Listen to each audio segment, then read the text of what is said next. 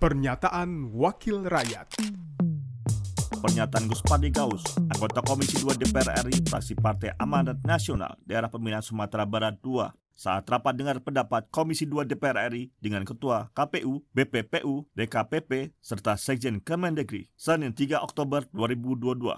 Tentang IKN, saya juga mendukung apa yang disampaikan oleh Pak Baktiar karena kita beberapa kali dek, anu, RDP dan kita binca, anu, diskusi dengan Pak Menteri bahwa apa yang disampaikan tadi saya hanya menggarisbawahi bahwa IKN itu belumlah apa-apa.